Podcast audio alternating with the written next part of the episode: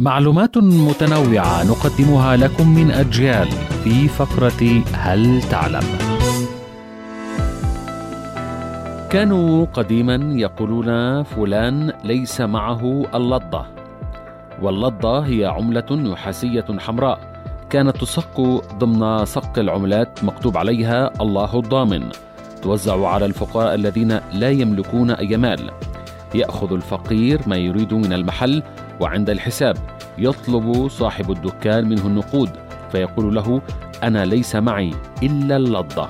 يأخذها صاحب المحل ويرجعها لبيت المال ويأخذ بدلا منها نقود. وهكذا بيت المال يعيد توزيعها على الفقراء تحت شعار الله الضامن. اختصروها الناس بكلمة اللضة وبقيت تعبر عن سوء حالتهم. فيقول أحدهم ما معي إلا اللضة. Thank you.